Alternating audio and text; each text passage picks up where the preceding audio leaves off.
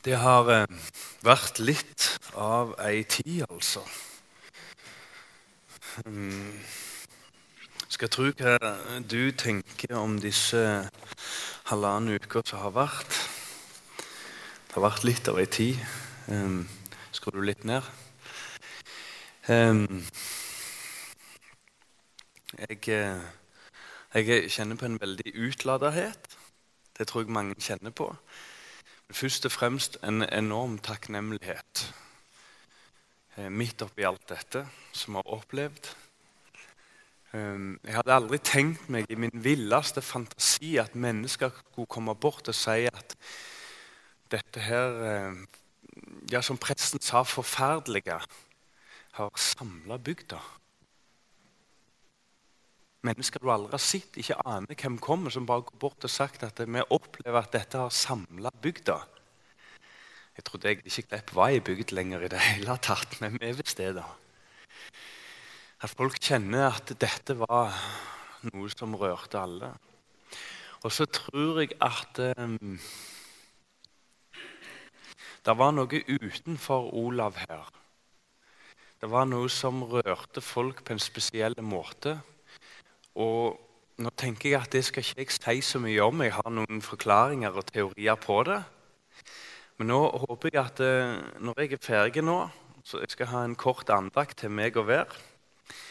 Og så mm, håper jeg at dere kan dele det dere har på hjertet.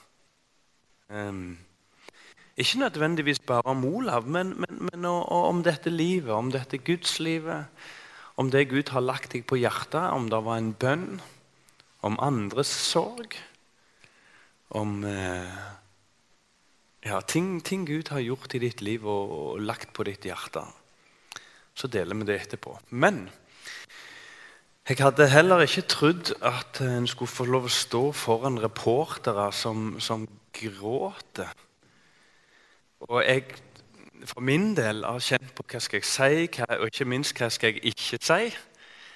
Um, og Så blir saken snudd på hodet fordi reportere begynner å gråte og vet ikke hva de skal spørre om. Pussig, altså. Reportere som spør Vet du noe jeg kan spørre om? Det er mer enn fascinerende. Og så jeg kjenner veldig på det, Helene Halvard. Det vet dere. Dere har sikkert fått det inn nå. At det er dette med utleveringen. ikke sant? At um, Jeg vet du, Halvard, du liker jo å være i søkelyset. Det har du alltid likt.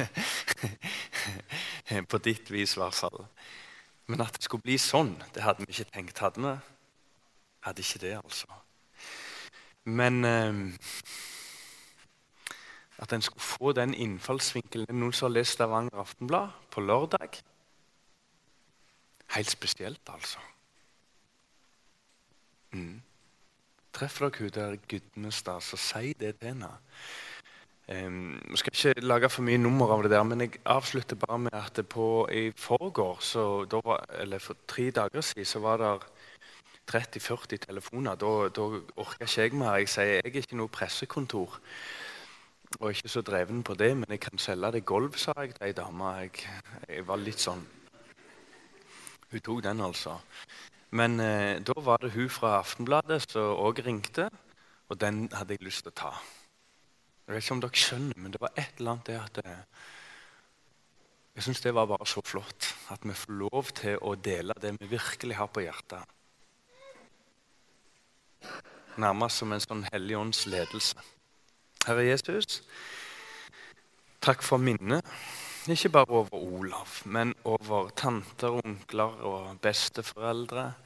Over de som gikk foran. Så har du sagt i ditt ord at når du kommer igjen, så skal du eh, hente dine, og så skal du vekke opp de som er døde og gått i forveien. De som er dødsrike. Så skal du hente alle dine, og så skal du holde dom. Og så har du sagt 'frykt ikke'. Og hjelp oss nå, Herre, akkurat nå. For du har sagt 'i dag'. Og så er vi samla her i dag. På din dag, på søndagen, på den hellige dagen. til ei hellig tid. Til et hellig samfunn og et hellig fellesskap. Og nå, Herre, ber vi for oss som er her oppe, og aller mest så ber vi for de som er nede. At det blir litt av ei stund for de små. At de får smake, og at de får kjenne at du er god, Herre. Amen. Det var litt rart. Eh, på begravelsesdagen så ja, Det så ikke så bra ut, for det var ei sånn ei vestlandsdrivende skodde til langt på natt. Og så trengte sola igjennom. Og så eh, slår det meg dette spørsmålet som jeg leste av Arne Helge Teigen. Kan vi regne med at sola står med opp i morgen tidlig? Kan vi regne med at sola står opp? Ikke denne morgenen, for det har vi jo gjort, men altså i morgen. Jeg vet ikke om det er dagen for det, men jeg klarer ikke dy meg. Induksjonsproblemet er det sikkert noen som har lest om på X-Fill. Men det er ikke så vanskelig. Du har noe av det hjemme, faktisk. Induksjon. Det er faktisk et kjempeviktig spørsmål, dette med induksjon. Og så hjelper det meg til å fremstå i et godt lys òg.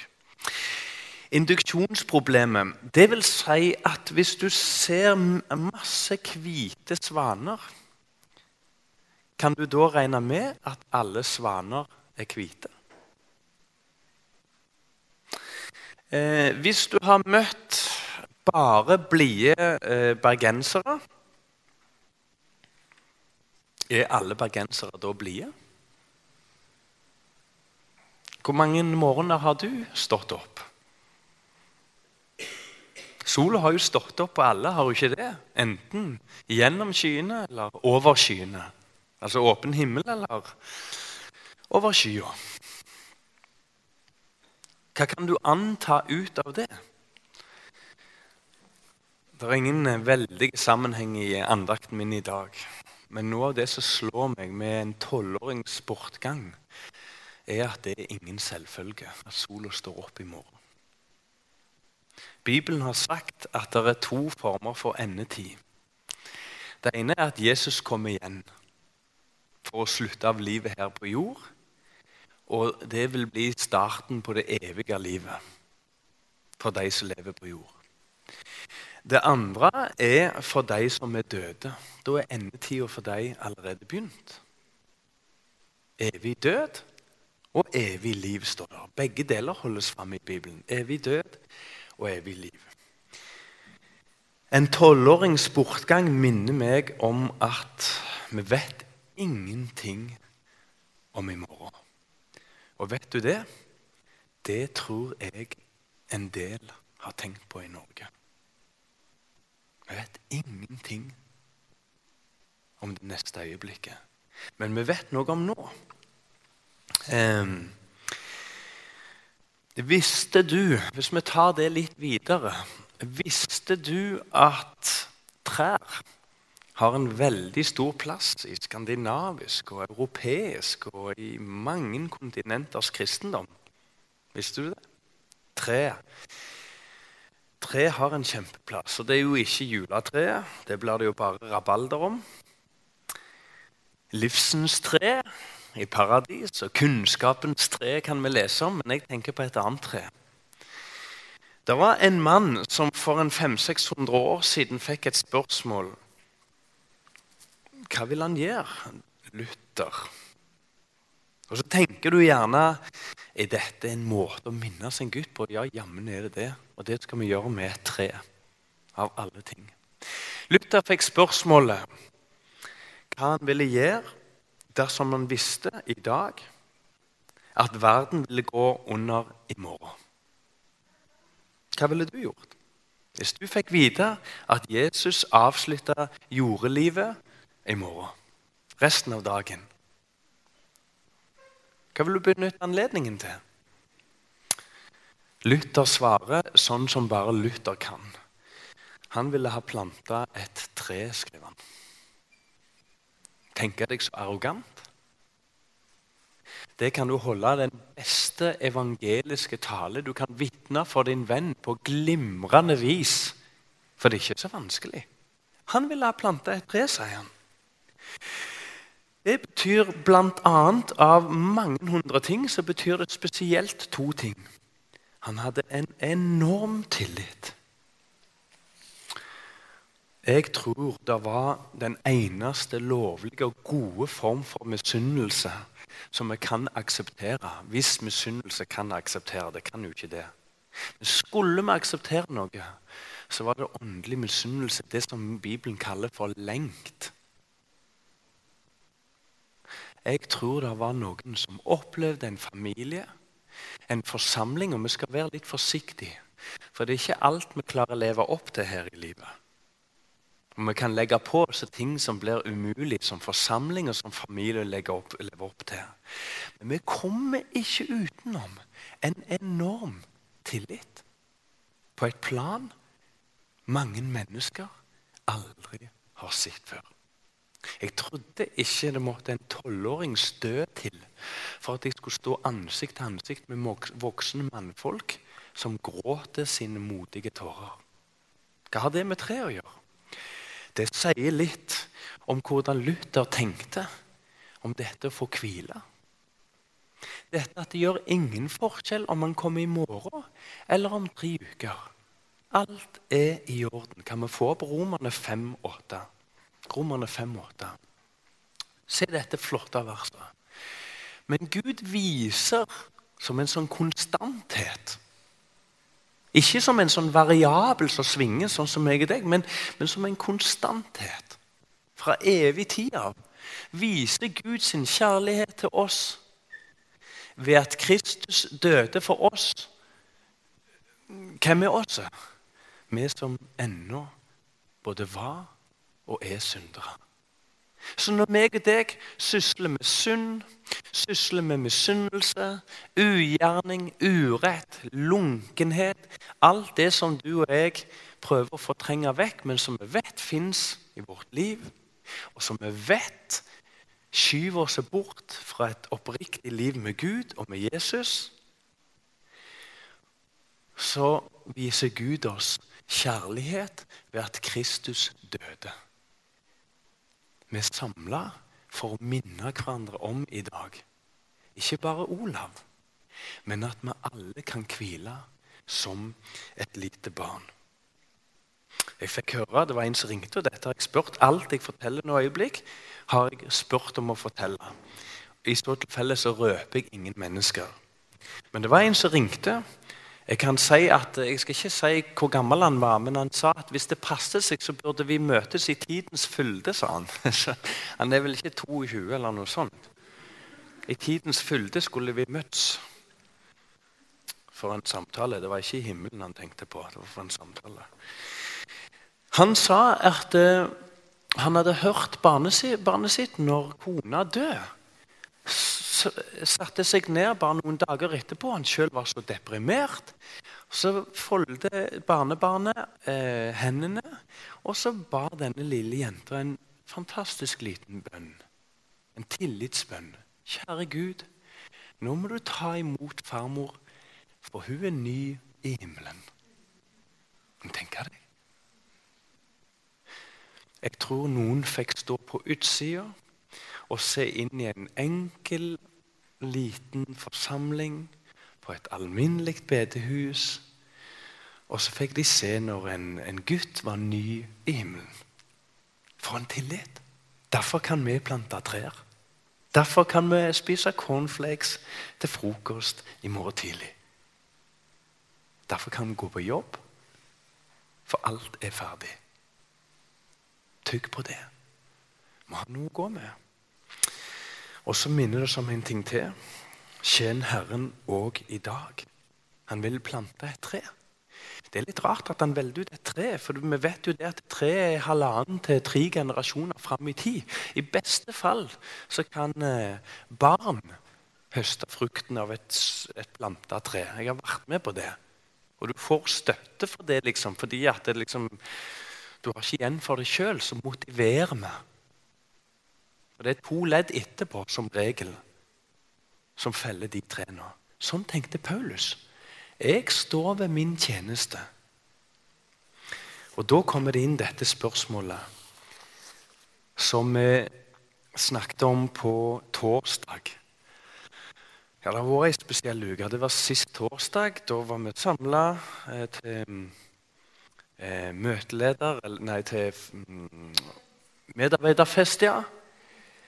Og så lufta vi opp det spørsmålet. Det var jo dagen før ulykka skjedde. Så lufta vi opp spørsmålet. Visjonen til Fokus er å gjøre Jesus kjent på Klepp. En rein, veldig utfordrende, enkel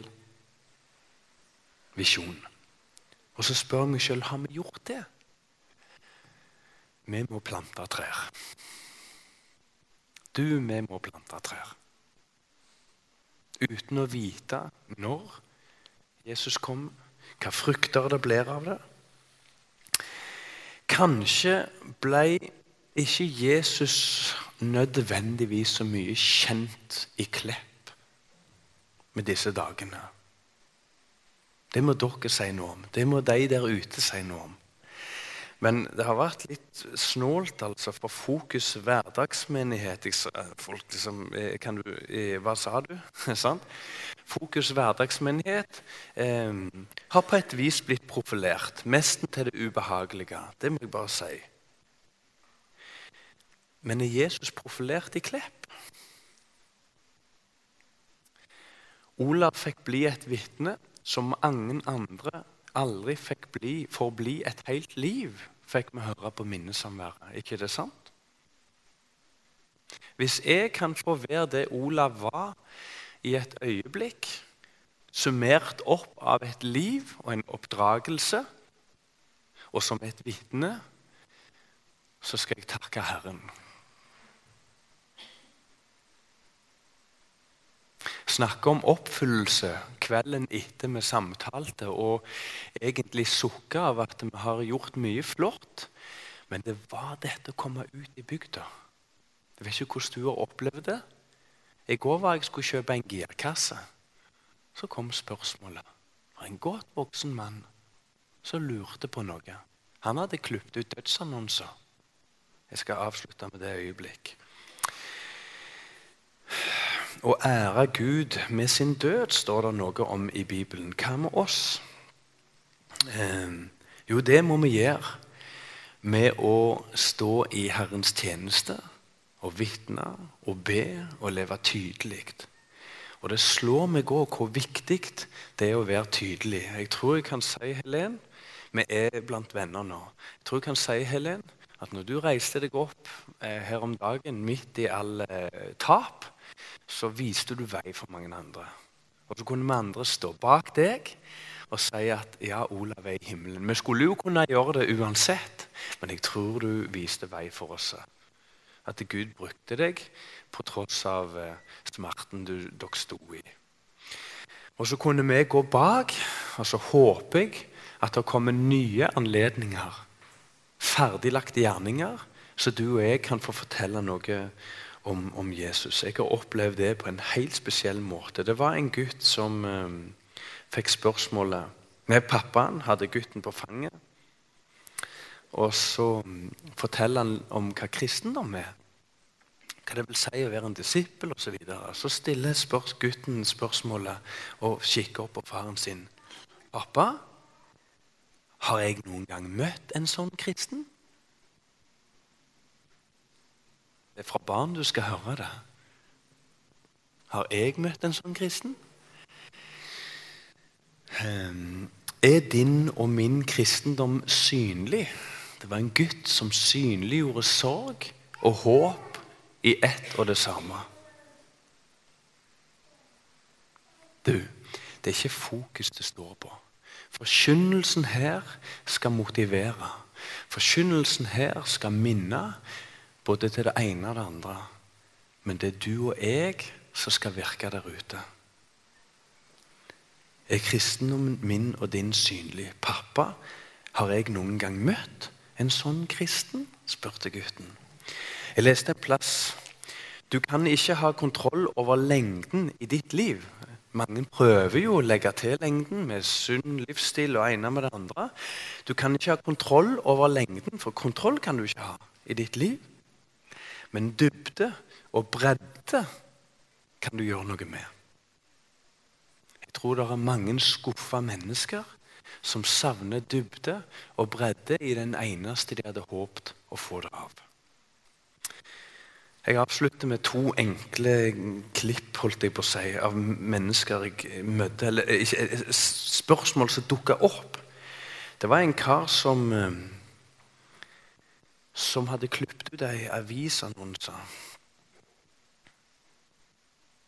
Jeg stussa. Far sto jo på sida av meg. Jeg tenkte liksom Er det ingen Hva er det som skjer? Skal vi plutselig stå og snakke om død og liv? Vedkommende tror jeg ikke var kristen, hvis jeg forsto han rett. Men det får være åpent. Men han syntes det var så rart dette herrene med at Olav hadde nådd målet. Og i den eh, mannfolkgjengen som han samles til, så hadde de diskutert det dagen før. Han hadde tatt med annonsen og vist hva de syntes det at gutten hadde nådd målet. Men det syntes de var rart, nesten litt dumt. Han hadde jo ikke nådd noen mål. Hva gjør du og jeg da, når mennesker sier sånt? Kikker vi i bakken og sier nei, ja, det er jo, det er jo ganske spesielt. Eller tør vi gå inn i samtalen, og det er vanskelig? Jeg for min del ble ganske perpleks, men samtidig så fikk jeg stille spørsmålet det spørs jo hva mål du har. Gjør det ikke det? Det spørs jo helt hva mål du har. Gutten hadde nådd målet. Det undrer han seg over. Olav var i himmelen, leste en kar i VG. Syns han var rett og slett irriterende. Og Det tror jeg at vi kristne må bare innfinne oss med. At vi kan ikke få de samtalene vi gjerne bestiller på forhånd. Det går ikke, det. Det går ikke an å ha en forventning om at eh, nå er jeg sånn djup syndenød at om noen kunne vise meg veien over Jordans bredd Jeg flåser litt nå, men vi får jo aldri de samtalene normalt. Hva fikk Jesus? Men han greip de. I hvert fall så var det en som syntes det var så provoserende at det sto at Olav var i himmelen. Så tenkte jeg Hva skal jeg si? Hva skal jeg spørre om? Hva tenker du da, sa jeg. Nei, han hadde en unge. Og det kjæreste han hadde. Han hadde blitt ordentlig sint hvis han hadde kommet og hvis han hadde kommet i den situasjonen som Hovde har vært i nå, og så sier noen at ungen er i himmelen. Hva skal han da gå til grava og besøke? Norge 2013. For en kontrast denne gutten har stilt opp i vårt lokalsamfunn. Han kunne ikke forstå at noen kunne være så frekke og si at barnet var i himmelen. Når vi alle vet det ligger der. Skal dere røve han ut av hjertet mitt? Det siste er antagelser. Jeg prøvde å forstå hva var det han mente. Men jeg tror det var noe sånt han revde. Så prøvde jeg å forklare. Borte fra legemet og hjemme i himmelen, står det i Bibelen. Men jeg skjønte her er det en lang, lang vei å gå. Og så spørsmålet hva er din vei? Så spørsmålet hva er min vei? Og hva kan dukke opp i ditt liv? Jeg minnes dette her med sorg. Jeg minnes det med tap. Jeg fikk et spørsmål av en journalist. Um, går det an å åndeliggjøre et barns død? Så holdt jeg på å svare ja. For det går jo, det. Det er veldig farlig å åndeliggjøre ting. Hvis du sliter med, med dårlige ankler, så er det dårlige ankler du har. Og så tror jeg det er veldig viktig å skille de dårlige anklene som en del av livets gang, og samtidig kan vi be for det.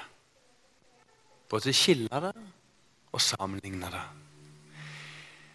Så jeg tror jeg fikk nåde til å svare at eh, jeg vil heller si det sånn at Jeg er ikke redd for åndeliggjøring hvis det bare ikke står i veien for smerten og sorgen som er et faktum.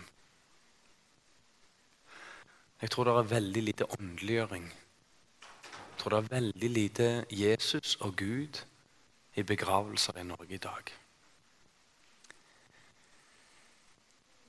Vi skal ikke være redd for det åndelige, men vi skal være redd for åndeliggjøring. For meg har dette vært en helt spesiell reise. Jeg tror vi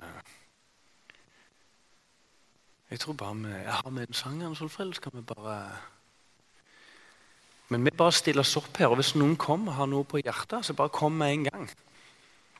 Så En bønn eller en sang eller noe du ble minnet på, så tror jeg det er mange som sitter og lengter etter å høre noe.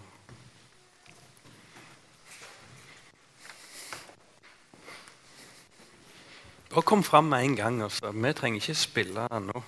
Det er det siste vi trenger.